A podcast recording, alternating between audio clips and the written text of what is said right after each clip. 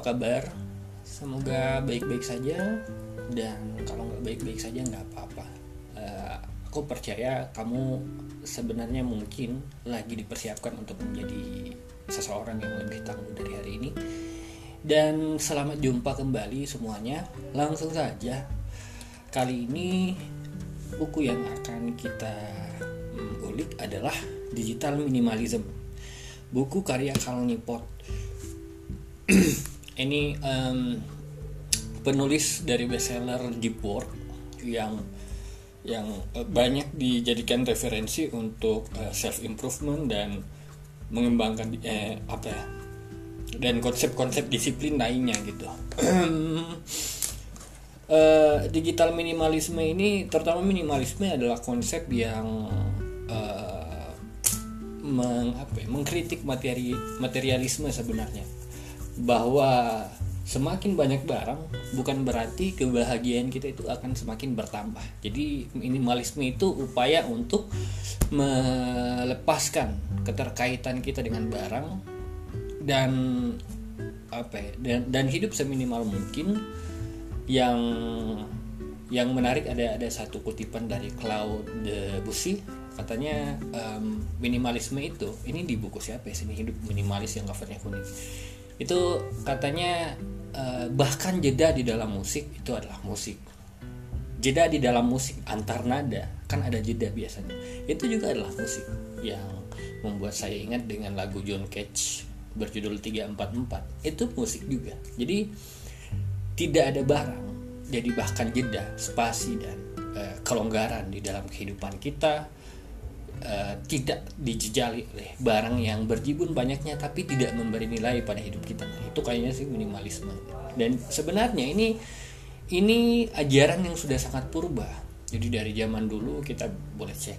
Misalnya Nabi Muhammad itu orangnya sangat minimalis. Biarpun dia pedagang dan uh, punya jejaring banyak tapi dia justru hidup sederhana saja sama halnya dengan Yesus Kristus. Biarpun banyak pengikut tapi dia nggak memanfaatkan pengikutnya itu untuk misalnya membangun startup dan misalnya menjadi kapitalis enggak sama halnya dengan Siddhartha Gautama. Bayangin ya saking minimalisnya si Darta Gautama dia udah dikelilingi loh di barang-barang kenikmatan duniawi yang tujuh turunan mungkin gak akan habis tapi dia lebih memilih keluar dari baluarti dan hidup menggelandang bertapa melakukan laku tapa berata dan uh, hidup jauh dari kemewahan duniawi. Itu laku-laku minimalis. Dan saya rasa pemimpin-pemimpin besar banyak yang seperti itu Nelson Mandela. Terus siapa lagi? Soekarno. Saya lebih suka Soekarno sebelum dia jadi presiden. Itu minimalis banget hidup dia. Walaupun akhirnya jadi maksimalis terutama dalam soal uh, jumlah istri. Terus siapa lagi? Ya banyak lah ya. Mahatma Gandhi saking minimalis Mahatma Gandhi dia itu bikin protes jalan kaki tuh jalan kaki nggak pakai sendal gitu. Saking minimalisnya dia. Banyak lagi. Minimalisme adalah ajaran yang sudah sangat tua sangat purba. Konfusius mempraktikkan itu uh, dan banyak hal lagi. Sering berjalan waktu memang ajaran dari minimalis bahwa kita itu uh, nggak akan bahagia bila kita menyandarkan kebahagiaan kita kepada benda. Eh, benda itu kan dia bisa musnah, dia bisa binasa, dia bisa menjadi abu. Selama kita menyandarkan kebahagiaan pada benda, selama itu uh, kebahagiaan kita pun akan bisa raib gitu.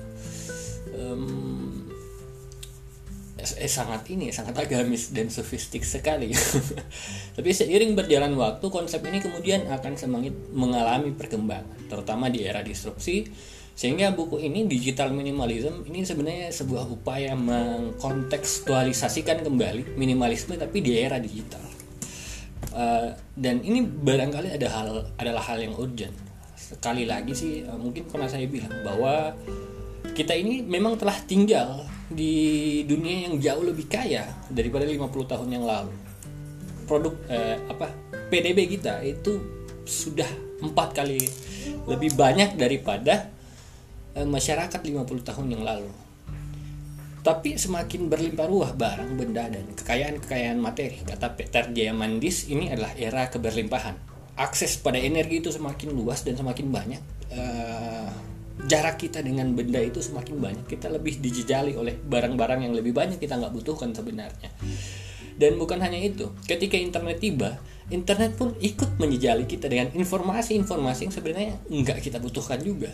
Dan uh, itulah jadi uh, apa ya bisnis bisnis apa namanya bisnis perhatian bisnis distraksi itu.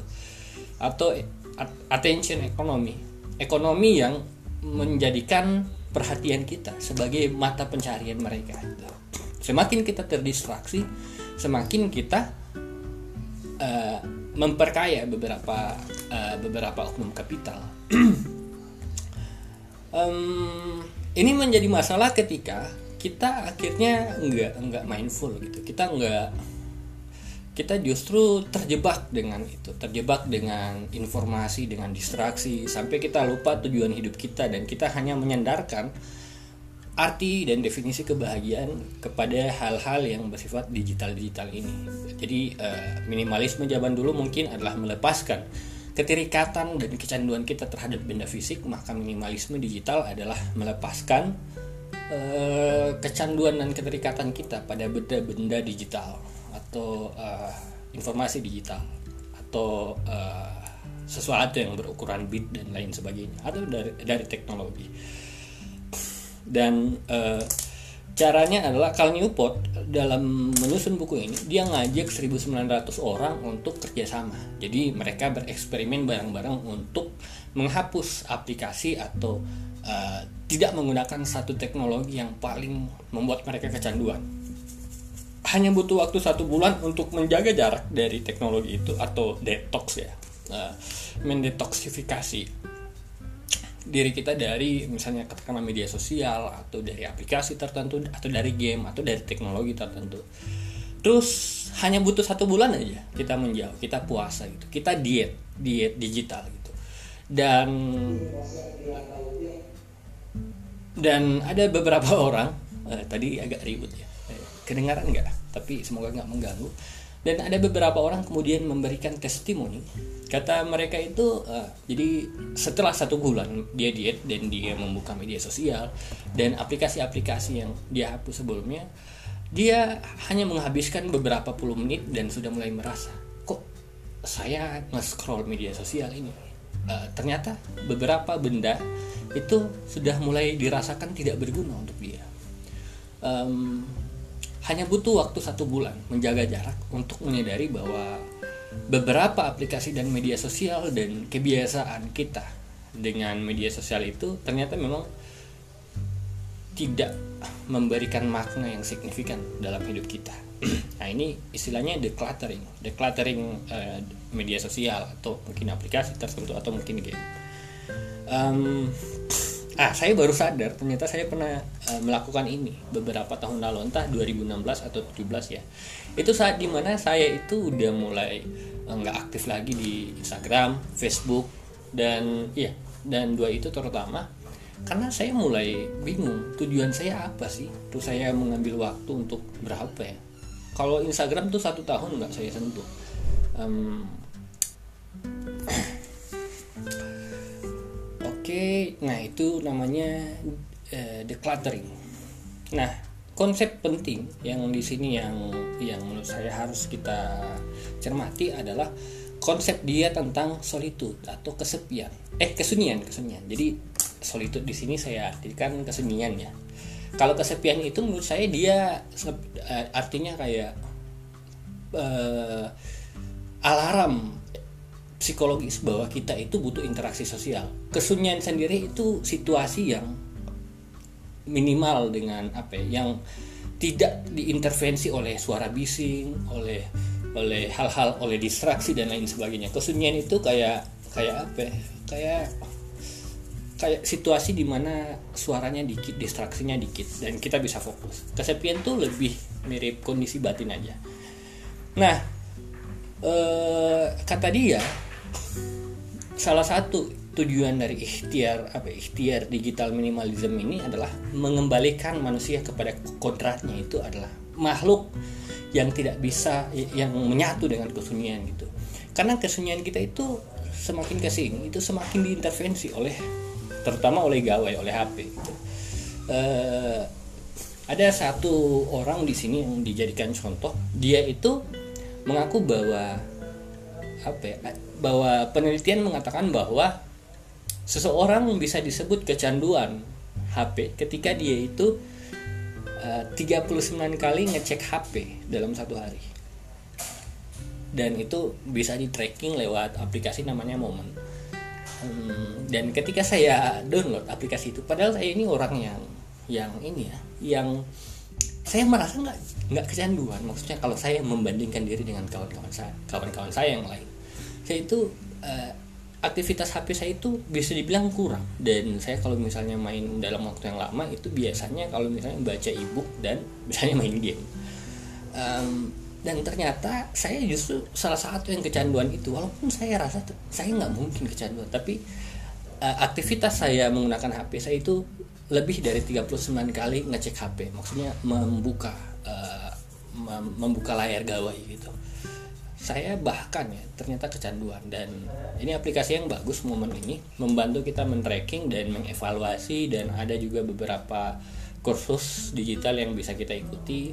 Beberapa trik untuk mengurangi kecanduan kita pada teknologi terutama HP ini dan tujuan akhirnya adalah biar kita bisa kembali bersatu dengan kesunyian kita jadi ada satu kutipan yang menarik di sini Katanya akar dari segala problem kemanusiaan ini adalah ketidakmampuan kita untuk duduk diam di waktu yang lama di satu ruang yang sama.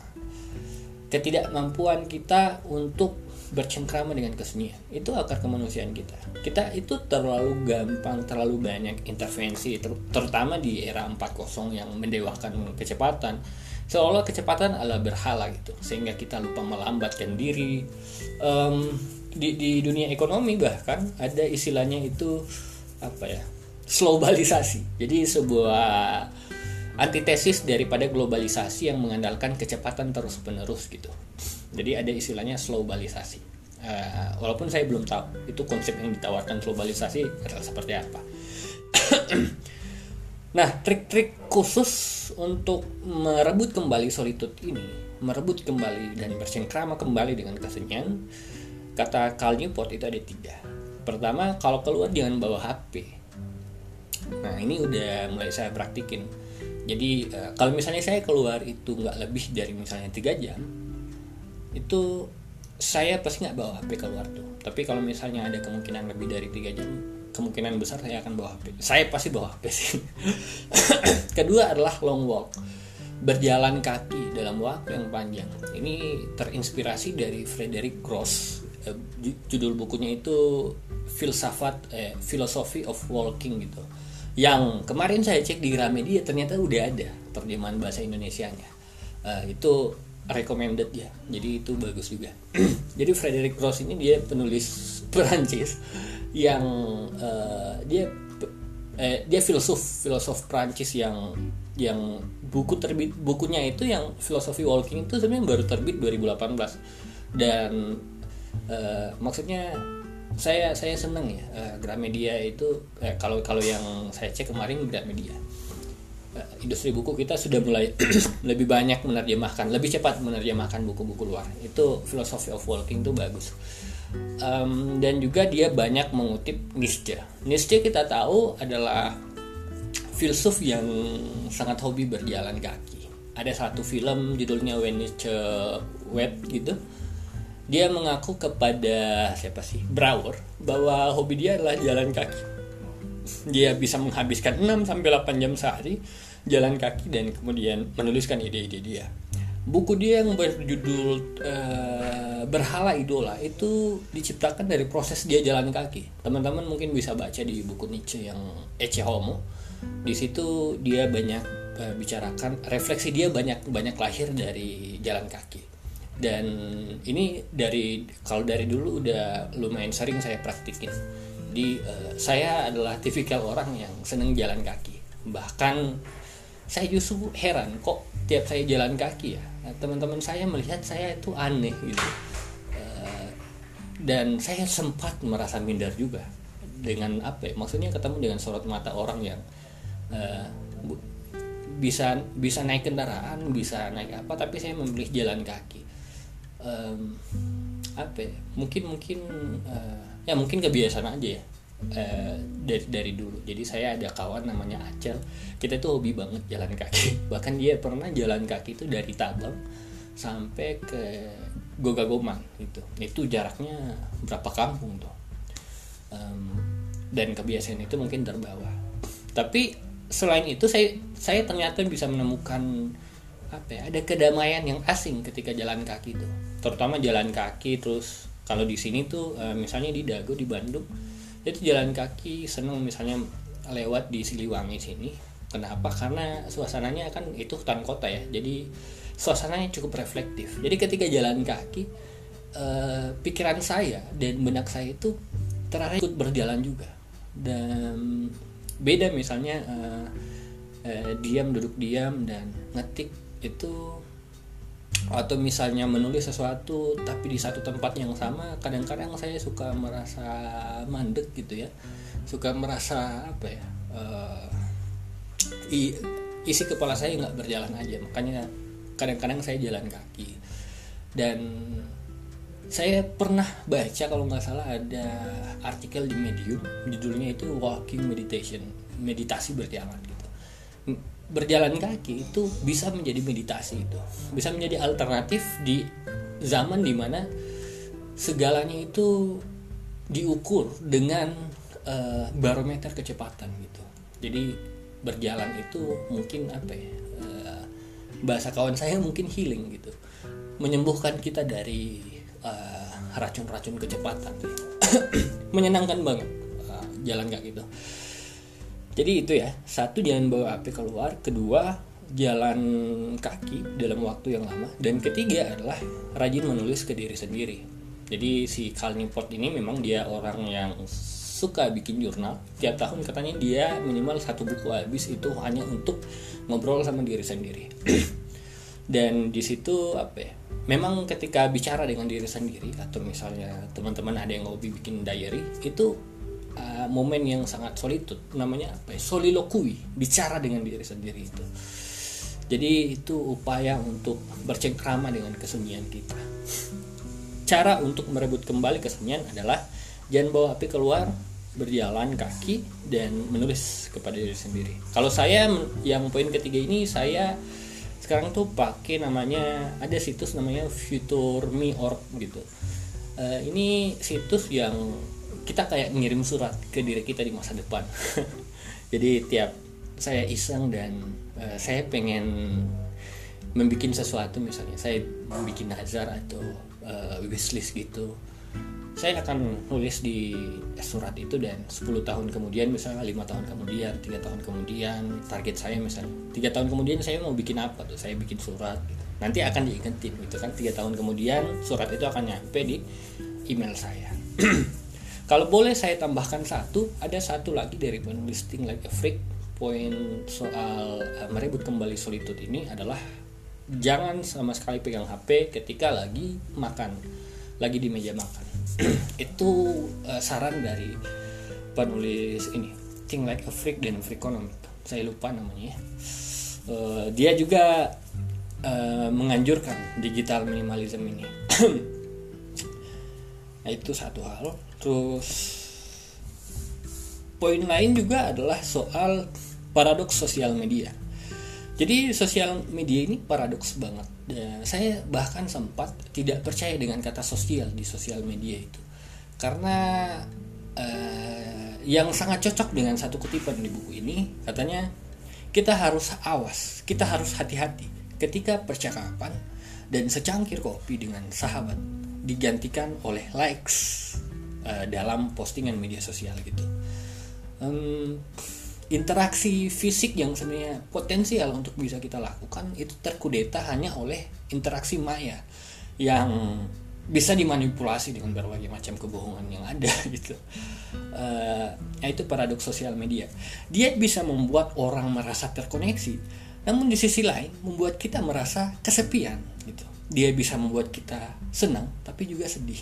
Nah, itu paradoksnya ada satu saran di sini katanya itu jangan pernah memberikan likes di media sosial apalagi kalau kita nggak tahu tujuan kita ngasih likes itu untuk apa.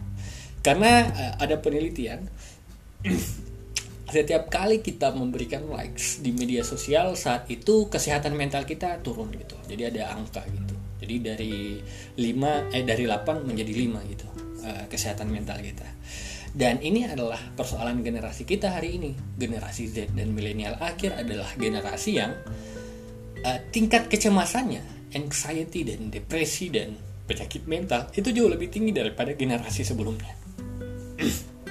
Dan terutama uh, sangat sangat tinggi terutama pada perempuan. Hmm, saya nggak tahu kenapa seperti itu. Uh, itu problem kita ya. Baru-baru juga saya diskusi dengan kawan nah si namanya Belinda. Memang kata dia dia juga uh, curhat soal uh, kenapa ya generasi sekarang katanya itu gampang sok-sok krisis dan gampang baper. Ya memang itu. Generasi hari ini ya memang generasi yang diasuh oleh media sosial. Tidak seperti orang tua kita yang nggak mengenal itu media sosial dan lain sebagainya. Um, justru kecemasan yang tinggi ini itu adalah hal yang lumrah ketika kita kita berhadapan dengan media sosial. Yang perlu kita lakukan barangkali ya uh, seperti kata Mark mention baru-baru dia dia minggu lalu gitu ya dia ngeposting sesuatu di di media di Instagram dia. Jadi informasi ini juga terutama media sosial. Banyak banget informasi yang kayak junk food gitu. Informasi yang nggak penting tapi uh, kita itu kayak kayak terseret gitu energi kita ke sana kalian pernah nggak sih gitu? Jadi uh, buka media sosial dan nge-scroll nge-scroll kayak kita kayak apa ya nge-scroll dan itu bahasa Tristan Harris kayak sup tanpa dasar gitu. Jadi uh, istilahnya itu sup tanpa dasar. Kita itu kalau makan sup kalau nggak ada dasarnya kita itu lebih lama merasa kenyang. Tapi kalau ada dasarnya dasar dari mangkok sup kita itu gampang merasa kenyang. Tapi kalau nggak ada dasar susah kita merasa kenyang nah nge-scroll media sosial itu kayak gitu. Pernah nggak kalian nge-scroll? Eh kamu nge-scroll. Itu kalau saya sih nggak pernah ya nge-scroll terus uh, mentok gitu di satu. Enggak pasti selalu ada itu di beranda kita selalu ada postingan-postingan selanjutnya. Nah ini uh, sesuatu kalau kalau itu dijadikan apa ya dijadikan uh, kebiasaan itu, itu sudah tidak sehat lagi dan itu yang disebut dengan junk food itu junk food dalam media sosial uh, yang kita butuhkan kemudian adalah diet media sosial diet informasi bahkan. Makanya uh, wajar kata Harari persoalan kita hari ini adalah irrelevansi dan relevan gitu. Kita untuk pertama kalinya dalam sejarah umat manusia kita dikelilingi oleh langkisau informasi tapi uh, kita adalah makhluk yang paling tidak fokus dibandingkan generasi zaman dulu dan kita adalah semakin kita tidak fokus kayaknya align atau berbanding lurus dengan uh, tingkat kecemasan yang sangat tinggi. Dan itu wajar karena manusia itu mata manusia itu gampang tertarik pada hal-hal yang bersifat negatif. Dan media sosial adalah tempat di mana hal-hal seperti itu uh, berkecamuk. Terus apa lagi ya? Uh, ada juga beberapa hal di sini dia ngutip tentang gambler eh, apa efek berjudi. Jadi uh, orang yang memposting sesuatu di media sosial itu dia kayak berjudi. Jadi ada perasaan kayak apakah ini akan mendapatkan feedback yang bagus dari netizen apa enggak ya gitu. Saya pernah mengalaminya gitu. Dan uh, ini yang membuat juga kita kecanduan. Jadi kalau menurut saya saya itu dari dulu terutama pas saya decluttering Instagram dan Facebook saya itu kalau mau posting harus ada tujuannya itu. Ya, supaya nggak lari ke tujuan itu mengemis feedback itu atau berburu validasi sosial atau berburu pengakuan sosial approve dan lain sebagainya gitu. Uh, nah itu justru adalah ilusi dari social approve sih kita membut eh, apa ya kita akhirnya mencari validasi sosial untuk sesuatu yang ilusif dan bisa dipalsukan. Hmm, makanya kebahagiaan yang akhirnya didapatkan dari media sosial justru adalah kebahagiaan yang rentan yang fragile itu yang rapuh. Tidak heran akhirnya tingkat kecemasan itu meningkat di era media sosial ini. Uh, Nah itu paradoks juga. Di sisi lain, media sosial itu bisa mendekatkan kita, bisa memutuskan atau bisa mempersempit dunia kayak origami. Tapi di sisi lain, dia membuat kita beresiko untuk mengalami uh, ilusi of social approve gitu. Dan uh, ya itu problem besar sih. Um, ada satu tokoh yang kalau menurutku teman-teman harus juga ulik, namanya Tristan Harris uh, saya pernah menerjemahin tulisan dia tentang bagaimana cara teknologi membajak pikiran kita. Jadi ada 10 cara itu ada di blog saya. Kalau teman-teman pengen baca, silahkan mampir. Itu kalau menurut saya itu sampai sekarang berpengaruh. Saya ketika menerjemahkan itu dan baca-baca lagi, saya langsung hapus uh, game online saya tuh. Adalah kawan saya yang baca itu semua postingan IG-nya dia hapus. Namanya Bobby. Um, walaupun menurut saya nggak nggak perlu juga ya dihapus kecuali kalau kita merasa itu udah udah toksik banget dihapus aja itu mending. Tapi kalau misalnya bisa kita kendalikan yang penting apa ya? Kalau menurutku ya apa ya kalau nggak bisa kita apa ya ya intinya itulah harus kita kenalikan dan kita harus tahu tujuan bermedia sosial itu untuk apa. Jangan sampai kita jadi bagian dari beberapa orang yang uh, menularkan hal hal-hal yang sebenarnya mungkin kurang penting untuk untuk kita dan orang-orang yang kita pedulikan. Hmm apalagi ya? Oh iya itu jadi sudah tadi soal kesunyian paradoks sosial media dan jadi juga harapan dari kami pot di buku ini adalah kita harus berklaim kita harus merebut kembali konversasi di ruang publik. Jadi dia membedakan antara konversasi atau percakapan dengan koneksi. Konversasi itu uh, apa ya dia lebih humanis karena di situ ada pertukaran informasi, pertukaran gestur, ekspresi dan intonasi kan. Dan dengan itu kita bisa lebih membangun empati. Tapi koneksi memang bisa membuat seseorang itu uh, berkomunikasi walaupun jaraknya jauh. Tapi dia justru mendehumanisasi kita. Dia tidak menumbuhkan empati di dalam tubuh dan di dalam diri kita gitu. Nah, itu persoalan Nah, jadi kita harus memperkaya konversasi dan uh, meminimalisir koneksi. Sebab apa ya? Digital minimalisme itu minimalisme digital itu menjadi mendesak gara-gara itu sih. Uh, dunia hari ini surplus koneksi tapi defisit konversasi. Kita itu surplus dan apa ya? Itu menjadi peluang di mana kita itu gampang banget berpura-pura dan kita bahkan tidak percaya diri untuk menjadi diri kita sendiri gitu. Dan itu persoalan kita. E, sulit untuk menerima diri kita padanya seorisinal orisinal mungkin. Oke itu saja sih ya kalau menurut saya. E, ini buku yang bagus untuk teman-teman yang sekiranya butuh butuh apa ya, yang yang terutama bergulat dengan gaya hidup atau mem, ingin memperbaiki gaya hidup ini buku yang bagus banget. Terutama kalau kita punya adik saya kebetulan punya adik yang generasi Z jadi saya pikir pengetahuan ini baik bagi saya. Terutama mungkin nanti kita akan menjadi orang tua dan memiliki anak mungkin kita juga harus memahami hal-hal seperti ini. Um, itu saja sih dari saya dan terima kasih untuk kalian karena sudah sering mampir ke sini dan sudah mendengarkan sampai sejauh ini. Mohon maaf kali ini nggak panjang-panjang ya tapi semoga hmm, diskusi kita bisa padat. Oke sekian dari saya. Sampai ketemu lagi di percakapan virtual kita selanjutnya. Bye bye